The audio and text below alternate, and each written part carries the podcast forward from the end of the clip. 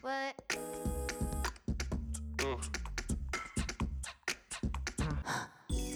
We Women Want. Welkom bij een nieuwe aflevering van What We Women Want. Vandaag een speciale aflevering. Geen one-on-one interview, maar een groeps one-on-one interview met vijf sprankelende onderneemsters. Volledig coronaproof trouwens, want de interviews vonden plaats via Zoom. Ik stel jullie heel graag Marie, Aurélie, Kim, Olivia en Machteld voor, alle vijf finalistes voor de titel Belofte van het jaar. Markant, Unizo en het agentschap Innoveren en Ondernemen bekronen vrouwelijk ondernemerstalent. Elk jaar reiken ze een award uit aan de onderneemster en de belofte van het jaar. In deze aflevering praat ik met de vijf finalistes die in de running zijn om tot belofte van het jaar gekroond te worden. Maak kennis met Marie van den Broek, Aurélie Schallenboer, Kim Bogaerts, Olivia Couvreur en Machteld Lambrichs. Elk met een prachtig ondernemersverhaal en tonnen ambitie. Ze zijn stuk voor stuk een inspiratie voor mij, maar ook voor alle vrouwen die dromen van het ondernemerschap en van de erkenning die ze verdienen. Ik stel ze heel graag alle vijf even aan jullie voor. Eerst en vooral Marie van den Broek, probleemoplosser en ondernemer. Zo is haar idee voor het comfortabeler maken van krukken gestart bij haar oma. De krukken vielen steeds op de grond en ze deden haar pijn. En met een simpele oplossing toverde ze terug een glimlach op haar gezicht. Door out of the box te denken, kan een slimme aanpassing een wereld van verschil maken. En dat is haar drive. Aurélie Schallenboer, de tweede finaliste, runt met Crea French een online platform waar je op een stimulerende en efficiënte manier je kennis van het Frans kan versterken. Zowel voor studenten als voor leerkrachten biedt zij het hele jaar door een ruim aanbod leercontent recht uit de actualiteit aan. Voor haar is Frans een passie die ze graag wil delen om anderen te helpen groeien. Tout est possible. Maak ook kennis met Kim Bogaerts van Schoonmaak Kempen. Zij zijn gespecialiseerd in dienstverlening voor bedrijven. Ze combineren professionele mensen met een uitmuntende service. Hun motto: handel in vertrouwen en blijf authentiek. Daarnaast staat het welzijn van hun medewerkers centraal. Ze zijn het belangrijkste kapitaal, de sterkte van het schoonmaakbedrijf. En daar is ze heel erg trots op. Vierde finaliste is Olivia Couvreur van Cara Rossa. Ze heeft een nieuw schoenenlabel voor de actieve stadsvrouwen gelanceerd dat comfort en elegantie combineert. Dankzij de integratie van comfortabele sneakerzolen in een elegante schoen met een maximale hakhoogte van 5 cm kunnen ze het beste van twee werelden bieden en iedereen laten genieten van La Dolce Vita. En last but not least, Machteld Lambrichs. Zij runt Klinder, de eerste verpakkingsvrije supermarkt van Vlaanderen. Bij hen vind je een ruim assortiment aan biologische en lokale groenten en fruit, maar ook alle andere artikelen die je in een doorsnee supermarkt vindt. Je neemt je eigen potjes en zakjes mee en haar droom is dat heel Vlaanderen Klinder kent als de referentie voor het ecologische leven. Hoe ze omgaan met vooroordelen, waarom we volgens hen nog altijd door het glazen dak moeten breken en waarom ze deelnemen aan deze awarduitreiking, hoort u in de volgende podcast. Boom. What We Women Want. Marie, je zegt van jezelf dat je een probleemoplosser bent en zo is jouw bedrijf of carrière ook gestart. Ik heb industrieel ingenieur gedaan, maar wel met de richting ontwerpen. Dus uh, ja, uiteraard heel wat ingenieursvakken heb je. Ja, ook, ook van alles van productontwerpen en systeemontwerpen en dergelijke. Dus echt wel een heel, heel boeiende richting. Maar mijn carrière is eigenlijk bij mijn oma begonnen. Uh, mijn oma is een super fiere madame. En op een dag moest ze met krukken lopen. En ze klaagde eigenlijk nooit. Tot die dag natuurlijk. En toen dacht ik, ja, ik ben toch ontwerper. Waarom doe ik daar gewoon zelf niet iets aan? En uh, ik was toen ook nog student. En we hadden toen ook de kans in school om een opdracht te doen rond orthopedische producten. En um, wij werden ook gepusht van school uit om eigenlijk heel wat wedstrijden mee te doen, businessplanwedstrijden. Met als gevolg dat ik uh, het product voor de, de krukken mocht presenteren aan ja, businessmensen en mensen uit de zorg. En dat was eigenlijk de eerste keer dat ik dacht, ah ja, van school, plots in de rechte wereld. En die jury zegt van, ja, Marie, je moet daar wel echt mee doordoen. Hè? Uh, en dat was echt de eerste keer dat ik dacht, aha, oké, okay, misschien is dat wel niet zo'n slecht idee. En zo is eigenlijk mijn, uh, mijn loopbaan begonnen. Ik vroeg aan Marie, Kim en Machteld hoe het is om te werken als vrouw in de corporate of zakenwereld. Oh, ik zit natuurlijk in een, uh, in een heel technische wereld. En ik merk wel dat ik me echt enorm moet bewijzen eerst. En je verliest daar gewoon zoveel tijd en energie mee. En dat is gewoon echt niet fijn. Ik, van tijd krijg je ook zo opmerkingen naar u dat ze toch niet tegen een man zouden durven zeggen. De laatste keer was het... Ik doe heel graag onderhandelingen. Heel fijn. Maar de laatste keer ja, zei hij van ja, uh, in uw onderhandeling, uh, je gaat die prijs misschien bij iemand anders krijgen voor je schoon gezichtje, maar hier werkt dat niet hoor. Allee, dat zijn zo van die opmerkingen. Ik ben recht gestaan en ik ben, uh, ik ben vertrokken. Dat zijn niet de mensen waarmee ik wil samenwerken. Vriendinnen die hebben op mijn leeftijd, hoe dat ik in mijn zaak stond, ook juist uh, ja, kinderen gekregen, uh, begin de dertig. En ik heb ook een, uh, een medewerkster die ook, ook, wist van, als ik nu nog een, een, kindje wil, dan mag ik mijn carrière bij mijn, bij mijn vorige medewerker vergeten. dat wordt ook uitgesproken, hè, vaak. En dat vind ik heel spijtig, want uiteindelijk gaat het maar over een kleine periode van afwezigheid en ga je die potentie wel uit de weg. En waarom? Uh, ik denk dat er echt wel een goed, uh, uh, stabiele balans kan gevonden worden tussen werkgezin, ook al is, is uw man ook werkgever of, of ondernemer. Ik vind dat daar niks in de weg mag staan. Ik heb dan het voordeel dat ik een niet heel alledaagse naam heb. Dus ik kan mij naar buitenlanders daarachter verschuilen en doen alsof ik een man ben en niet corrigeren als ik aangesproken word als Mr. Lambrecht. En dan is het wel leuk om ze dan nadien te verrassen als ze er dan achter komen dat ik toch wel een vrouw ben. En ja, dat vind ik toch wel leuk om dan zo te laten zien van, ah kijk, ik heb hier gehandeld als, ja, zo gezegd, als man zijn. Dus je had dat helemaal niet door dat ik een vrouw was. Dus zo kun je toch wel bewijzen dat vrouwen even goed in die business kunnen staan en even goed uh, die onderhandelingen kunnen doen. Aurélie, zijn er bepaalde momenten waarop je denkt of waarop je voelt dat het makkelijker is om een vrouw te zijn in de zakenwereld? Ik denk nu zeker. Um, als we denken aan, aan, sociale media, jezelf um, kenbaar te maken, uh, daar creatief mee om te gaan, creatief te communiceren, denk ik dat wij vrouwen nu echt wel een streepje voor hebben. Ik merk dat vele mannen die ondernemen zich afvragen van, ja, wat is dat allemaal met die sociale media? Want je kan daar heel veel mensen mee bereiken, maar ze zien zichzelf daar niet zo doen. En ik denk dat wij daar nu wel een, ons voordeel uit kunnen halen. En ik zie heel veel ja, vrouwen die, die een onderneming hebben, die op die manier echt wel enorm kunnen groeien. Marie, Kim en Machteld, voelen jullie soms dat jullie harder op jullie strepen moeten staan als vrouw? Als ik op een beurs sta, dan pak ik heel vaak wel stagiaires mee. Uh, jongens en meisjes, ja, maakt niet uit. En ik weet nog dat er iemand naar mij kwam. Een chique man met zo manchetteknopjes en zo. En die begon zo wat vragen te stellen. En plots ziet hij uit zijn ooghoeken ziet hij mijn mannelijke stagiair staan. En hij zegt tegen mij, in het midden van mijn zin, ik het even aan uw baas gaan vragen. Out of the nowhere. Dus hij gaat daar naartoe en uiteraard moet die stagiair terug naar mij verwijzen, want hij weet daar helemaal niks van, van die moeilijke vragen. En in het begin is dat grappig, maar um, ja, als je dat zoveel keren meemaakt op de duur, is dat niet zo grappig meer. Dus dat is, heel jammer. Niet per se dat ik harder op mijn strepen moest staan, maar dat ik voelde dat als ik als vrouw in de ruimte toch wel niet au serieus werd genomen. Tussen alle mannen.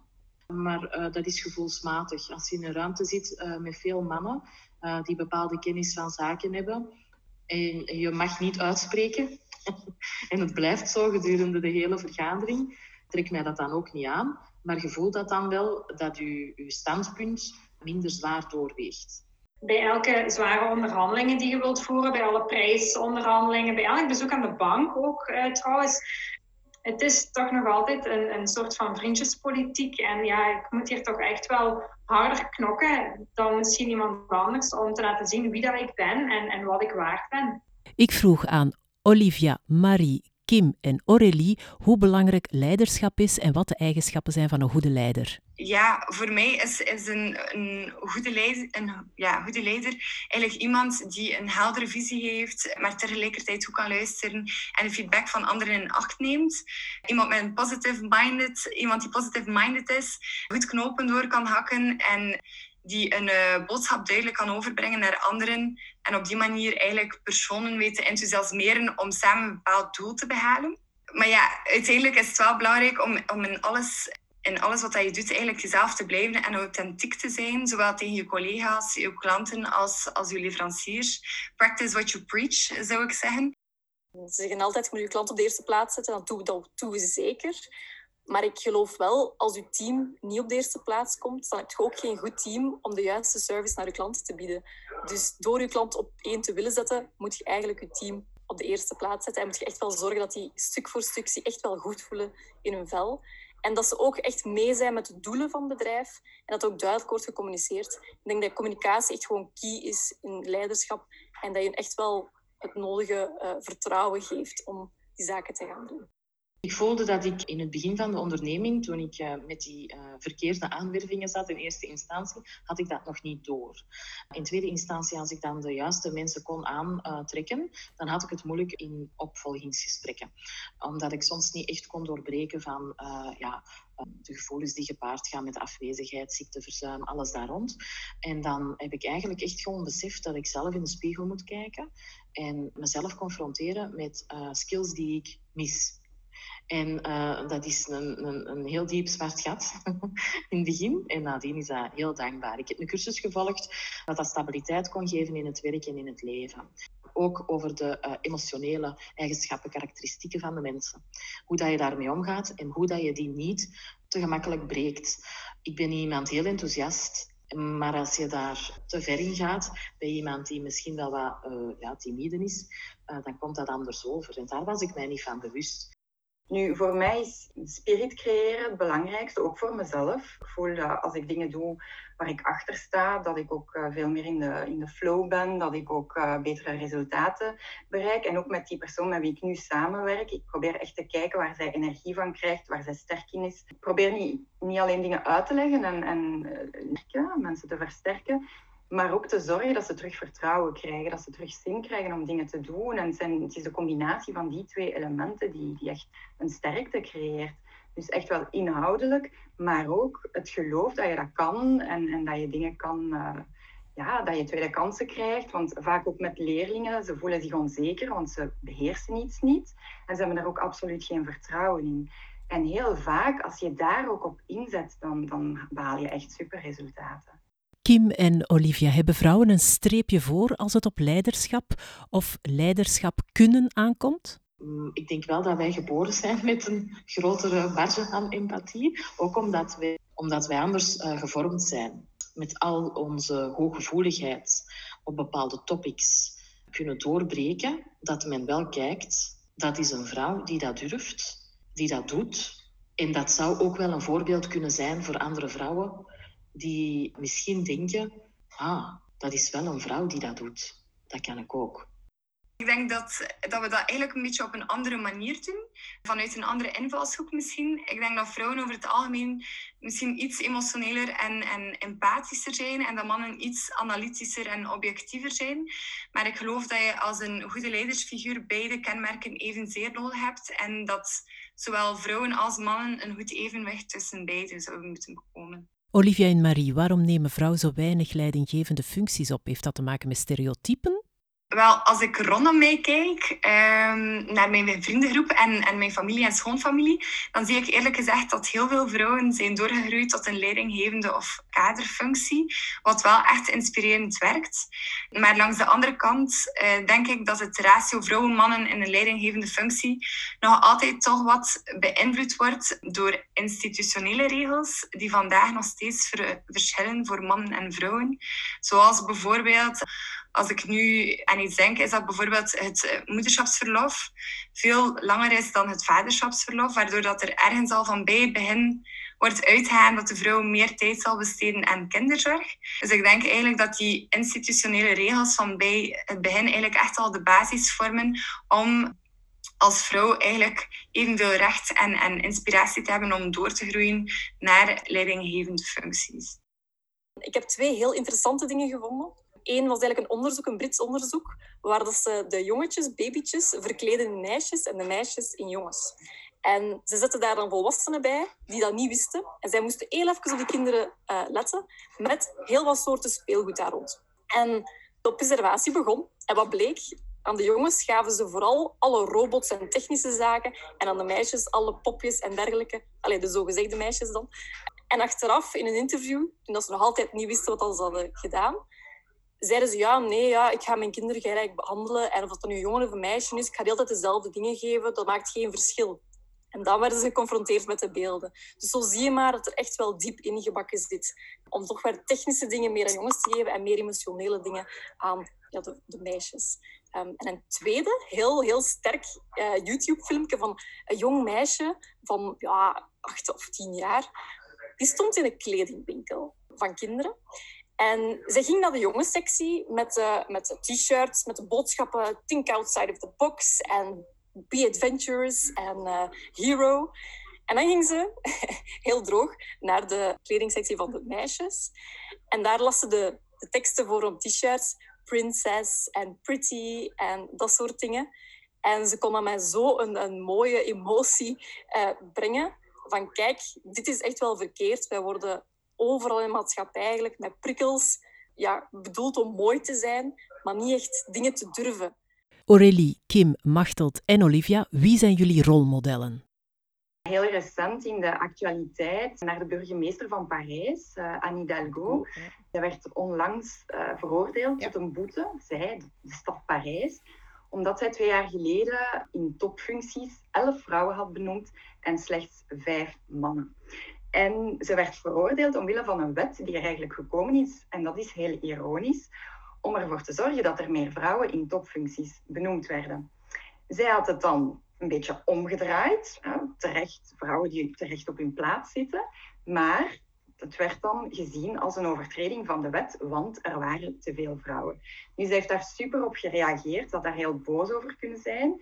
En ze heeft eigenlijk een persconferentie gehouden waarop ze dan zei van ik ben blij dat ik die boete mag betalen, want dat is symbolisch heel belangrijk. En ze is die ook echt ter plekke op het ministerie van Ambtenarenzaken gaan betalen met een delegatie vrouwen uh, in die topfuncties. En dat vond ik gewoon heel sterk. En ik vind dat ja, vrouwen die zo'n dingen doen, dat dat echt heel inspirerend werkt. Ja, de rolmodellen waar ik naar opkijk, dat zijn echt uh, vrouwen die van nul tot ja, tot iets geweldigs zijn gekomen. En als ik daar één iemand uh, uit mag kiezen, uh, is dat toch wel Brené Brown. Zij is spreker over, over schaamte en over dankbaarheid. En waarom is dat voor mij een voorbeeld? Zij is zo rationeel. Zij doet alles wetenschappelijk onderbouwd. En zij doctoreert effectief over de gevoelens van de mens. Als ik er dan toch een soort van uh, celebrity uh, role model uit moet kiezen, dan uh, vind ik dat Taylor Swift het heel goed verwoordt. Zij heeft een liedje, The Man, en dat gaat er echt over dat je als vrouw veel harder moet knokken voor op dezelfde appreciatie te kunnen stuiten als een man. Ze zegt ook letterlijk, ja, ik ben het zo beu van zo hard te rennen, zo hard als ik kan. En dan te denken, ja, zou het hier makkelijker zijn geweest om hier te geraken als ik nu een man was? Ik denk eigenlijk ja, dat Kamala Harris en Amanda Gorman momenteel onze grootste rolmodellen zijn. En, en ons inspireren en een voorbeeld geven voor inclusiviteit en wat het eigenlijk kan betekenen voor de toekomst op alle vlakken. En om dan even terug te komen op een van die rolmodellen, Anne Hidalgo, de burgemeester van Parijs. Ik had enkele jaren geleden het genoegen Anne Hidalgo te mogen ontmoeten in Brussel, een uitzonderlijk intelligente en warme vrouw. Ondertussen is bekend geraakt dat uh, de burgemeester van Parijs de boete niet zal betalen aan de overheid. Het bedrag zal geschonken worden aan de federatie Solidarité Femmes, die het 3919-nummer bemant.